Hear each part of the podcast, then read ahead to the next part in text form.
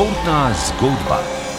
Eden eh, najbolj pričakovanih športnih dogodkov zime so zagotovo smočarski skoki na prelomu starega v novo leto. No, in dekleta so uh, včeraj novoletno turnejo končale, fantje pa so na polovici, kajti končanje le nemški del 71. novoletne skakalne turneje, ki je bil zaznamovan z izjemnim obiskom in zelo visokimi temperaturami. No in utrinek ob prehodu na avstrijski del z Bavarske zdaj le vam pošilja Boštjan Rebršak. Rekorden obisk v Oberstdorfu, še vedno neverjeten v Garmisch-Partenkirchnu, ni povezan z zimsko idilo, ki je ni na 71. novoletni skakalni turnaji.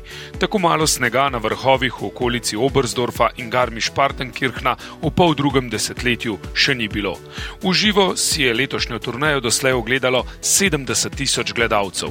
Skupna številka se bo zaustavila blizu 150 tisočih, na veliko presenečenje organizatorjev, ki so se zelo previdili previdno lotili prve po-covidne turneje, brez ukrepov. Gledalci so poskrbeli za odlično vzdušje in vrnili čar turneji, vse v prvi polovici lete. Povsem drugače pa je z letošnjimi temperaturami, ki pošteno otežujejo delo trenerjem in skakalcem.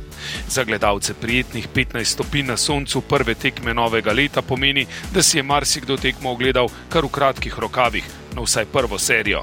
Za vse, ki skrbijo za opremo skakalcev, pa veliko dela v iskanju primernih materijalov.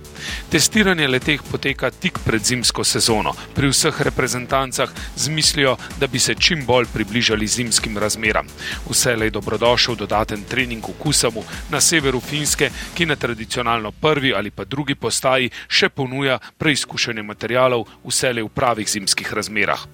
Na letošnji turneji vsa ta testiranja in izbira izgubljajo vrednost. Pomembnejši sta iznajdljivost in prilagodljivost. In tako bo vse do konca turneje, ki ob pogledu na vremensko napoved prinaša še naprej visoke temperature in na zaključku celo dež.